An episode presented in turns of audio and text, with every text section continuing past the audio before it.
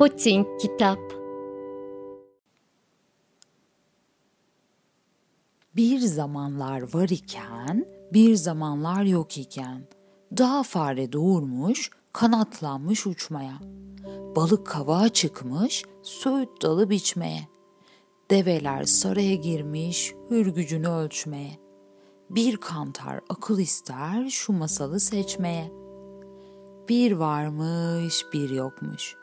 Aç tilkinin biri ormanda gezinirmiş. Ağacın üzerinde tünemiş bir horoz görmüş. Ağzının suyu aka aka bir kütüğün gerisine gizlenip horozun aşağı inmesini beklemiş. O sırada ormanda güm güm diye bir ses duyulmuş. Tilki bu ses de ne diye merak etmiş. Gizlendi yerden çıkmış. Sesin geldiği yöne gitmiş. Dalda asılı bir davul dururmuş. Tilki davulu ne bilsin, davul rüzgarda sallandıkça güm güm diye ses çıkarmaya devam edermiş. Tilki, bu nasıl yaratık böyle? Sesi hoş olur da kendi olmaz mı? diyerek davulun üzerine atılmış.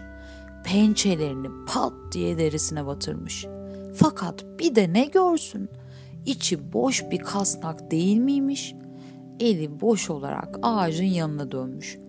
Bu arada horozu da kaçırmış. İnsanlar da öyledir. Bazen ayağına gelen kısmeti işte böyle aç gözlülük ederek kaçırır.